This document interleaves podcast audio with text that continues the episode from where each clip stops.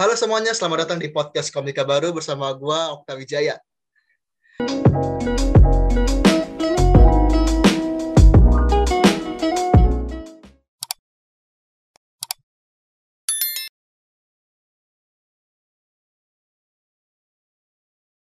Sini.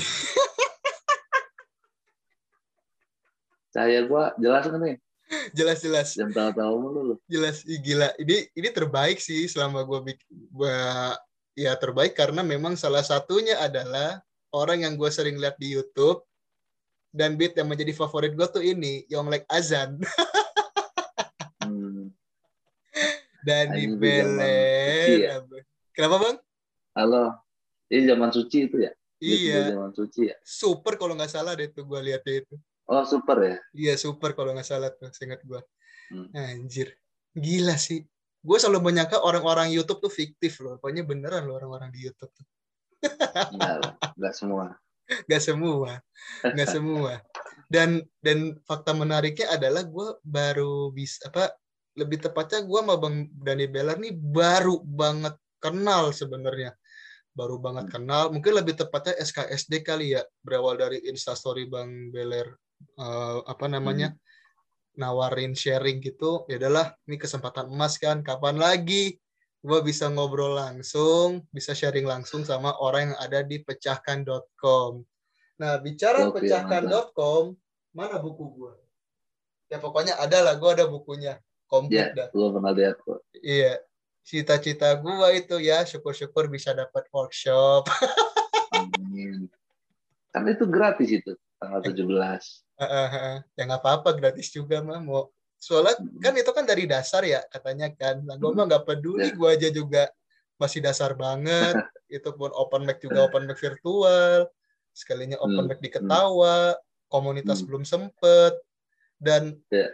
eh, apa namanya ya di video kali ini gue sama Bang Dani Bear tuh pengen ngomongin soal yang mengenal pecahkan.com lah karena kan mungkin buat teman-teman di luar sana mungkin nganggapnya gue nggak tahu ya tapi sih gue beranggapan Hmm. terutama dari teman-teman gue yang baru mau stand up mereka tuh taunya tuh pecahkan cuman jualan buku jualan video doang Hmm. yang gue tahu dari Ya. orang-orang luar nah sebenarnya nih Bang Dani sebenarnya pecahkan.com tuh gimana sih awal mulanya ada gitu tiba-tiba lu bisa join gitu Hmm. Jadi pecahkan itu, eh, lu harus tahu dulu bahwa Panji punya lembaga namanya, punya lembaga, punya kantor namanya comika.id. Mm-mm. Nah, comika.id itu adalah yang paling atas. Turunannya adalah Comika Event, Comika Media, Comika apalagi gitu, terus pecahkan. Nah, iya pecahkan tuh di bawah dari substansi si Comika. Jadi Hmm. awal mula terbentuknya kenapa gue bisa join, itu usulnya Panji sama Bang Panji sama Uluan. Uluan Hmm. Fahri, sang Iya. penulis Mm-mm. gitu. Jadi mereka berdua berdiskusi, brainstorming, kita mau bikin apa nih gitu. Akhirnya diusulkan lah, pecahkan.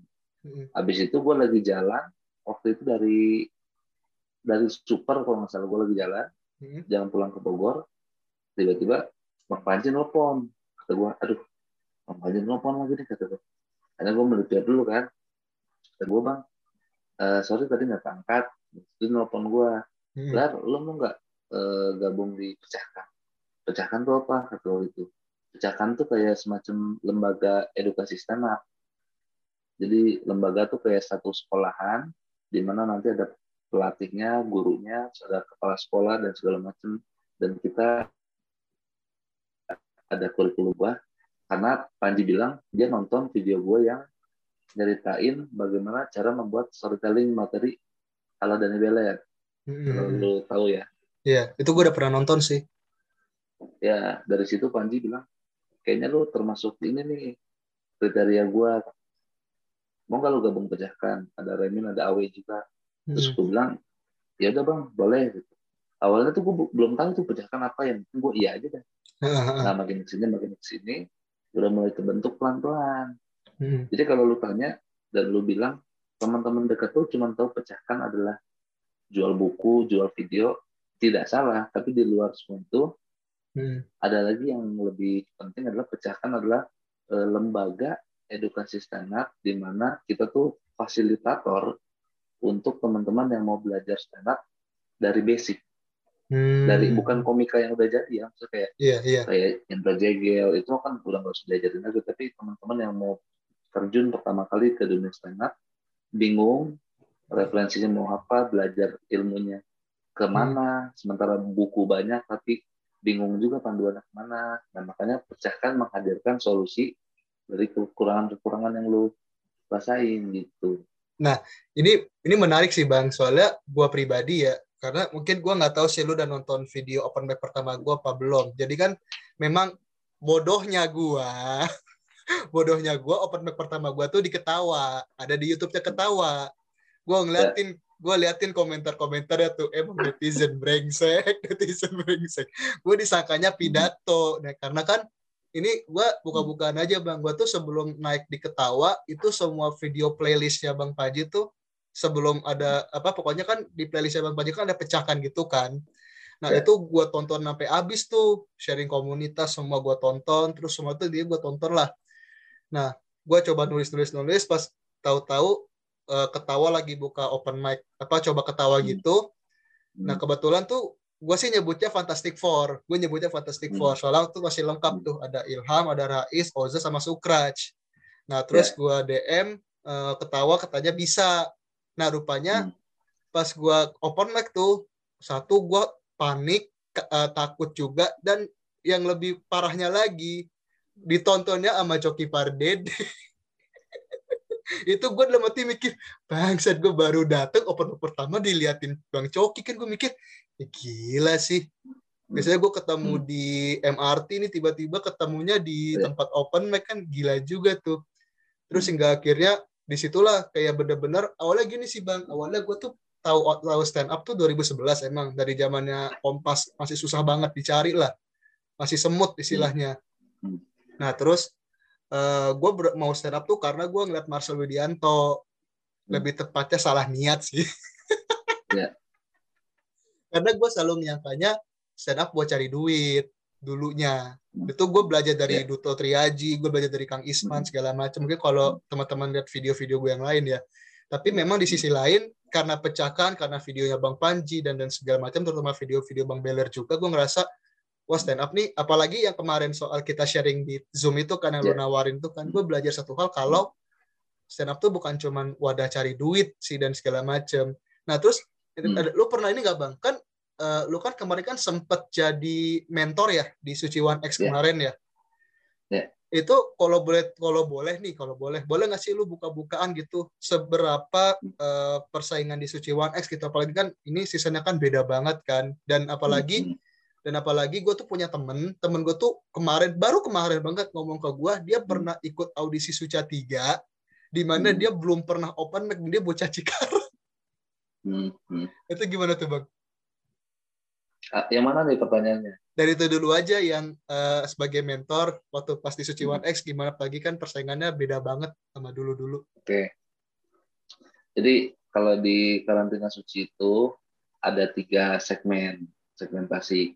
Yang pertama ada kelas. Kelas tuh biasanya diisi oleh Bang Radit, Bang Panji, Ko Ernest, Cing Abdel. Pokoknya di mana satu hari itu satu satu sesi itu akan Hmm. diajarkan apa yang anak-anak butuhkan. Terus selaku juri akan memberitahu pandangan lain gitu terhadap kompetisi ini. Hmm. Habis dari eh, kelas itu ada tim mentor. Mentor tuh kayak ini istilahnya lah, kayak bengkel gitu. Hmm, hmm, hmm. Jadi eh, biasanya diisi oleh Bang David, Bang Awe, Girbas. Itu di mana anak-anak maju ke depan satu-satu di screening materi. Ayo, lu mau main materi apa? Terus dibedah secara umum. Hmm. Nah, beres dari mentor dan bengkel, lari ke tim kombut yang ketiga. Tim kombut tuh gua, Rigen, Jegel, sama Bari gitu. Jadi anak-anak tuh finalnya di kita, finishing Hmm. akhirnya di kita. Nah kalau lu tanya seberapa ketat persaingan anak-anak Suci One X itu, memang gua akuin ketat banget. Karena Suci One X sekarang berbeda dengan sebelumnya. Lo tahu kan, dia nggak ada penonton, hanya menghibur juri. Nah, karena menghibur juri, akhirnya semua berkompetisi untuk cari punchline terbaik. Karena kan kalau misalkan tampil di depan juri, yang otomatis dengan komedian juga, lu ngelempar punchline layar pertama, udah ketemu dan juri. Nah itu di situnya yang bikin seru menurut gua. Hmm. Jadi anak-anak tuh dipaksa untuk ayo gue nyari ah masa lapis satu sih ayo lo lagi lagi lagi gali gali gali sampai punchline terbaik yang dia hasilkan di panggung suci gitu jadi kalau secara kompetisi dan persaingan mah masih wajar-wajar aja standar-standar aja. Cuman di bagian itunya tuh yang agak spesial. Mereka tuh pengen menampilkan yang terbaik di setiap minggunya. Gitu. Nah terus bang bicara kompetisi kan uh, yang tadi gue bilang barusan hmm. tadi tuh kayak ada teman gue nih belum pernah open mic belum apa segala macam tiba-tiba ikut kompetisi sekelas suca gitu. Hmm. itu tanggapan lu gimana bang? Kayaknya kalau menurut gue sih kayaknya kalau gue dari video-video kayak bang Awe bang Badi segala macam itu bukan pertama kali ya bahkan hampir setiap season ada ya bang apa gimana apa untuk Suca. orang yang iya belum pernah open mic belum pernah komunitas tahu-tahu ah. ikut audisi gitu makanya tergantung ditanya lagi tujuan dari teman lu itu ikut audisi Suca maupun Suci itu apa? Mm-hmm. Kan orang beda-beda ya ikut audisi tujuannya. Ada yang memang benar-benar cari pengalaman, ada yang mm-hmm. memang pengen benar-benar uh, masuk suci gitu. Nah, jadi harus ditanya lagi. Kalau memang tujuan teman lu ikut kompetisi Suca 3 bahkan belum pernah open mic sekalipun, mm-hmm. mungkin memang target dia cuma pengen ngerasain audisinya doang. Gitu. Kalau lu tanya kemungkinan lolosnya gede nggak? Wah kecil banget. Jangankan yang belum pernah open mic, yang udah sering open mic pun, yang udah punya nama pun, ada kemungkinan gagal. Besar hmm. sangat kemungkinan gagal. Apalagi yang belum pernah open mic sama sekali langsung ikut audisi. Hmm. Jadi kalau gue sih tanya ke niat masing-masing orang gitu. Hmm. Kalau lo ngerasa ikut audisi buat jam terbang doang, pengalaman, ya silahkan.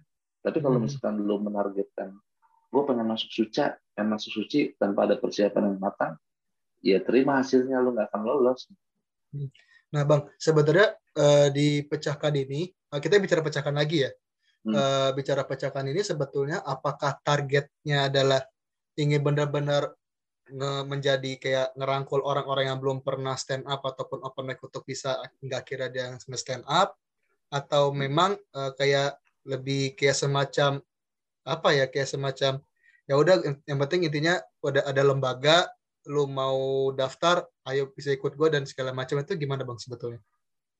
Nah untuk teknis detailnya gue kurang paham karena mm -hmm. kita belum ketemu berembuk lagi nih bareng lagi duduk bareng gitu. Cuman yang sepintas tahu eh, gue dengar itu sebenarnya target utama dari pecahkan itu adalah orang-orang yang pengen belajar stand up dengan catatan kalaupun komika itu komika yang tidak pernah ikut kompetisi tidak pernah ikut audisi apa pun lomba apa pun jadi benar-benar masih suci lah masih polos mm-hmm. terus mereka nggak tahu nih cara gabung stand up gimana ya target kita itu tapi di luar itu ada target kita selanjutnya yaitu perusahaan-perusahaan sekolah-sekolah kampus-kampus yang pengen misalkan ngadain lomba internal nih hmm. lu suka dengar kan kalau misalkan lomba PT apa gitu. Oh iya. Nah, iya, itu iya. di mana si karyawan karyawannya tuh dituntut ikut lomba stand up. Nah, bingung kan belajarnya ke mana? Maka hmm. pecahkan menyediakan fasilitas tersebut. Gitu hmm. jadinya.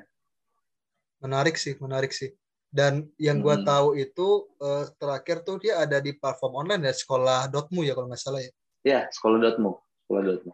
Yes itu gokil sih. Nah mungkin lo bisa sedikit nggak describe gitu bang atau ngasih deskripsi singkat gitu mengenai tentang pelatihan hmm. apa di sekolah dotmu itu?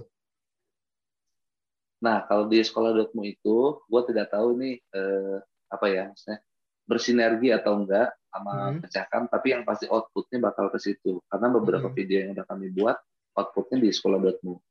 Itu hmm. teknisnya adalah kalau lo pengen belajar stand up, bagaimana menciptakan uh, aura yang benar-benar humoris gitu. Uh, uh. Stand up tuh stand up tuh kan aspeknya banyak. Uh.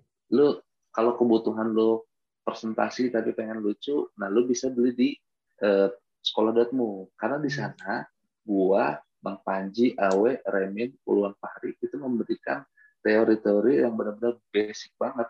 Kalau lu bayar, lu bisa dapat paket full kalau lu pelajari lu bisa terapkan itu di kantor lu kalau memang Hmm. tujuannya untuk bikin presentasi yang lucu itu ada Hmm. tuh kelasnya tuh kayak Panji bahas bagaimana membuat eh, apa sih namanya itu presentasi yang lucu yang humoris yang yang funny gitu nggak membosankan terus kalau kelas gua bagaimana membuat setup pertama sampai job pertama Mm-mm. pokoknya itu rangkuman dari buku pecahkan Mm-mm. yang divideokan gitu bicara soal job pertama hingga job pertama dari job pertama sebetulnya yang menjadi orientasi dasar bagi seorang komik baru ya mau itu pun Hmm. gua maupun teman-teman yang akan nanti pengen stand up itu sebenarnya orientasi awal tuh apakah kita memang niatnya untuk cari job pertama jokes pertama hingga akhir kita bisa pecah di open mic atau Mhm. kita harus mencari orientasi yang lain bang? Karena eh, gua pribadi ya ini gua pribadi kita nggak usah ngomongin orang lain deh.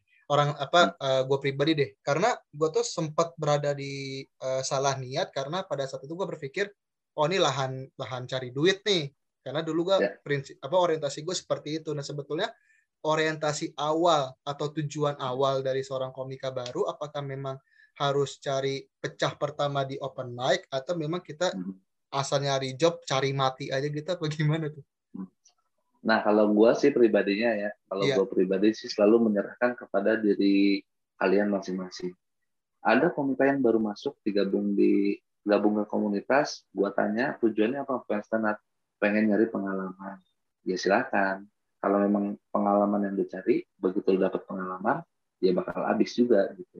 Terus ada Hmm. orang yang datang, tujuannya apa nih? Pengen masuk stand up, gabung ke komunitas, pengen lancar public speaking, ya nggak apa-apa juga kalau memang dia ngerasa nggak lucu tapi public speakingnya terasah, ya bagus-bagus juga kan. Mm-mm. Ada lagi komika yang datang pengen to the point tuh, datang ke komunitas, gue tanya tujuannya mau ngapain? Pengen masuk TV, pengen banyak fans, ya nggak apa-apa. Mm-mm. Selama lu bisa menempuh prosesnya, yang gua dan Remian lakuin gitu, Mm-mm. dan teman-teman Bogor yang lain. Pertanyaannya kan, sanggup nggak lu ngelewatin prosesnya? Kalau sanggup ya silahkan. Ya. Tapi di luar semua itu, kita harus punya step by step. Kita kan lahir nggak langsung gede kan. Iya. Makanya yang gue saranin, di luar kata terserah gue, itu gue nyaranin ke teman-teman semua, kalau pengen masuk ke stand up, orientasinya perkecil dulu. Misal lu orientasinya gabung ke komunitas pengen lucu. Ya udah berarti bagaimana caranya setiap open mic lu harus bisa tampil lucu secara konsisten. Setelah target itu tercapai, naik ke target selanjutnya. Bagaimana gue bisa diundang di acara komunitas? Entah sun entah show gitu. Entah opener siapa. Setelah target itu tercapai naik lagi ke target selanjutnya. Bagaimana gue bisa ikut kompetisi? Ya udah kerja keras lagi sampai masuk kompetisi habis kompetisi bikin target lagi Mm-mm. gimana caranya gue bisa menghasilkan duit dari stand up ya, lo bikin special show lo jualan di, di, di, di digital download atau lo upload YouTube Mm-mm. atau lo nyari job segala macam jadi sarannya adalah orientasinya harus perlahan Mm-mm. nggak bisa langsung tek gitu Eh, terlepas kita sudah bicara semua hal yang berhubungan dengan pecahkan, mungkin ini Hmm. gua akan ngebahas sesuatu topik yang mungkin sebetulnya mungkin gak asing lu dengar nih bang. Hmm. Hmm. Lu main TikTok kan? Gua tau TikTok lu btw. nanti TikTok Bagaimana TikTok gua- pandangan? TikTok gue udah checklist biru lo itu Gokil, gokil. Memang anjir gokil sih emang sih. Tapi ini gue pengen nanya sih sama lu bang. Menurut pandangan lu sebagai seorang komik, apalagi lu sebagai pengajar dipecahkan gitu.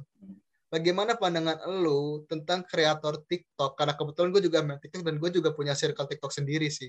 Nah, Hmm. bagaimana pandangan lu tentang TikTokers atau konten kreator Hmm. TikTok yang main dark jokes, yang dark doang tapi jokesnya gak ada. gimana ya balik lagi sih kalau kalau gua itu melihat sesuatu tuh nggak langsung tiba-tiba ditelan aja gitu. Maksudnya Heeh. gua harus mempertanyakan ini kenapa bisa kayak gini? Di TikTok itu kan penyebaran videonya cepet banget banget parah. Mm-mm. Parah. apalagi yang FYP pun random banget kan. Iya. Kadang-kadang kontennya Eno Bening yang sifat edukasi bagus padahal tapi nggak FYP Mm-mm. tapi ada cewek belahan tetenya kelihatan FYP ya kan? Atau ada orang yang bikin black joke katanya iya FYP Jadi a- algoritma TikTok masih masih belum saklek kayak gimana. Mm-mm. Dan menurut gua kalau misalkan ada orang bikin dark joke di video TikTok, ya selama lu bisa mempertanggungjawabkan hal itu, ya silahkan aja. Mm-mm. Yang salah kan ketika lu melempar sesuatu, lu tidak bertanggung jawab terhadap sesuatu tersebut. Selama lu bisa mempertanggungjawabkan sih, oke-oke aja. Misalkan lu bikin video tentang orang cacat. Lucu di sebagian orang, nggak lucu di banyak orang. Ya lu harus terima konsekuensinya. Ketika Hmm. nanti diboykot, ketika nanti diserang, ya lu harus mempertanggungjawabkan bagaimana lu bisa menangani kasus ini. Gitu. Mm-mm. Makanya menurut gua konten kreator tuh nggak bisa disebut sembarangan sih. Konten kreator tuh nggak sembarangan kayak bikin TikTok sekali upload dua kali upload udah disebut konten kreator. Itu kan sama kayak stand up comedy baru open mic dua kali tiga kali udah naruh CP di bio kayak gitu sama. Menurut Saya gua, sudah ada di konten- fase itu. nah gitu. Jadi anda tolong sadar diri Okta ya. Karena gue akuin gue salah niat. Gue apa minta wangsit Iya. ke Bang Duto makan Isman. Nah salah lu. Iya memang. Jadi kayak gitu. konten kreator tuh lebih dari itu. Yang Iya mahal sih. dari konten kreator adalah ya create-nya. Mm-mm. Selama lu gak nge-create apa-apa, cuman asal nyemplungin doang ya. Mm-mm. Nah, mah Bi- bicara soal create bang, bicara soal create, sorry gue potong. Kemarin, kemarin beberapa hari yang lalu, gue ngeliat re-uploader dan lebih parahnya lagi, akun ini make foto profil stand up Indo dengan bangganya gitu. Gue jujur sih, meskipun gue belum berkomunitas, meskipun gue dari Bekasi ya, gue emang belum berkomunitas btw. Meskipun gue Hmm. memang cukup update dengan YouTube-nya uh, up Indo dan segala macam, tapi gue pribadi agak kesel sih. Nah, Hmm. bagaimana pandangan lu terkait dengan orang-orang yang suka ngari upload uh, stand up orang ke TikTok gitu bang mau itu yang udah di share di internet maupun yang tiba-tiba Hmm. yang harusnya ada di digital download atau yang bersifat private tiba-tiba Ya. up ke kayak gitu Nah, di luar benar atau salah, gua sih ngerasa re-uploader tuh tutup salah. Di luar benar atau salah ya, karena ada yang bilang, ya kan secara tidak langsung lo di publisitas, lo disebarkan ke Hmm. media yang lebih besar. Tapi di luar semua itu, tetap hak cipta adalah yang utama. Kalau lu ngerasa lu nggak izin, kalau lu ngerasa lu nggak dapat eh, approve dari yang bikin videonya, lalu lu sebarkan begitu saja, menurut gue itu adalah bentuk ketidaktanggungjawaban. Karena ketika re-uploader ini ngelempar, lalu yang di- diserang siapa? Gue tanya. Re-uploader komiknya komiknya. komiknya Iya. Iya. Yang kasihan adalah komiknya. Re-uploader apa yang bi- bisanya apa? Hilang pasti. iya ya kan? Jadi menurut gua di luar publisitas hak cipta paling utama. iya Ada etika di situ. iya Kalau lu mau ngupload video Marcel, ya lu kontak Marcel ya langsung. Gua kontak dulu baik-baik. Ini saya dari ini pengen ada upload video Bang Marcel boleh nggak? Tunggu dia sampai approve, baru lu upload. Hmm, Jadi kalau misalnya ada kasus apa-apa, Marcel bisa tanggung jawab karena dia yang udah nge-approve. hmm, Tapi kalau lu ngeri-upload sembarangan, tanpa landasan berpikir yang jelas, tanpa izin pula, menurut gua fatal banget. iya Walaupun konteksnya adalah komedi yang tidak berbahaya ya. Hmm, Karena kalau lu ngelakuin dari re-uploader komedi yang aman-aman aja, akan menimbulkan pikiran bahwa ah gue upload ini aja aman, akhirnya lu ngupload lagi yang lain. Jadi pembenaran. hmm. Jadi menurut gua, gua tidak membenarkan adanya re-uploader. Walaupun serba serba sedikit, itu adalah bentuk publisitas dari si komika tersebut. Tapi Hmm. menurut gua gua nggak nyaran. Nah, soalnya gini sih Bang, Eh, kalau ini gue nggak tahu nih bakal masuk ke YouTube apa enggak Hmm. nih, yang pertanyaan gue yang ini. Lu ingat kan kasusnya Bang Remin? Ya. Lu mau tau nggak? Lu, Nah itu awalnya dari situ malahan. Hmm. Jadi eh, mungkin gua nggak tahu lu ingat apa enggak. Cuma seingat gua tuh ini videonya Bang Remin nih. Nah ini ada ada caption yang agak provokatif kayak ngatain gitu. Makanya tuh yang bikin Ya. agak gimana gitu kan. ya betul. Itu tingkat Itu. tergilanya sih. Nah itu salah satu contohnya adalah re-uploader video Remin. Mm-mm. Emang re-uploader tersebut ngomong ke Remin bakal nge-upload? Enggak, gue ya. Enggak. uh-uh. Setelah kena kasus dengan caption yang provokator, yang diserang siapa? Remin. Mm-mm. Apakah re-uploadernya? Bukan. Akhirnya kena imbasnya siapa? Remin. Kalau dia diboykot, produk-produk pada ninggalin Remin, yang kasihan sih remin reuploader ya hilang Mm-mm-mm. makanya kita harus hati-hati harus pandai-pandai dalam bersosial media gitu jadi jangan sembarangan emang se emang segila ini sih emang efek reuploader sih ya mau yang reuploader dalam Iya. bentuk animasi bahkan stand up komedi sendiri pun juga Iya. cukup gila juga sih. betul betul Hmm. Nah, terus nih Bang, terakhir nih uh, dari gua. Sebetulnya uh, untuk menjadi seorang stand up itu apakah memang ini sebenarnya pertanyaan gua ini hampir semua narsum gua tanyain sih, hampir semua. Hmm, hmm. Eh, sebetulnya untuk menjadi seorang komik itu yang di- yang dibutuhkan tuh apa sih? Apakah public speaking-nya, apakah sense of humor-nya, apakah modal Hmm. bocah tongkrongan kah atau gimana? Karena Hmm. eh, gua pribadi, karena gua pribadi itu gua ngerasa ini yang gua rasa ya. Gua punya public speaking, gua udah ada public speaking, Hmm. tapi secara sense of humor maupun nongkrong gua nggak dapet tuh. Nah, bagaimana caranya untuk orang-orang yang belum punya selera humor ataupun orang yang sudah tapi memang public speaking kurang dan sebagainya? Gimana tuh? Hmm. Yang lu sebutkan elemen tadi adalah elemen-elemen yang penting untuk dipelajari. Intinya adalah lu belajar dari hal-hal yang lu butuhkan, bukan yang lu mau. Hmm. Bukan lu mau belajar rule of three, bukan. Tapi lu butuhnya apa? Kalau dari awal lu butuh, ah gue jangan dulu lucu deh, ngomong lancar dulu. Ya udah, tambah tuh kekurangan nggak lancar ngomongnya. Kalau lu ngerasa public speaking gue udah ada nih, tinggal selera komedi aja yang ditingkatin. Ya udah tambah selera komedi lu dengan cara banyakin nonton video, banyakin referensi, banyakin komedi-komedi luar negeri, orang lain. Lu perhatiin bagaimana mereka mengolah, mengolah sebuah jokes, bagaimana mereka membuat materi. Nah, nanti itu yang lu refleksikan ke dalam diri lu. Semakin banyak referensi yang lu lihat, yang lu baca, yang lu tonton, Hmm. itu akan semakin eh, meningkatkan selera komedi lu.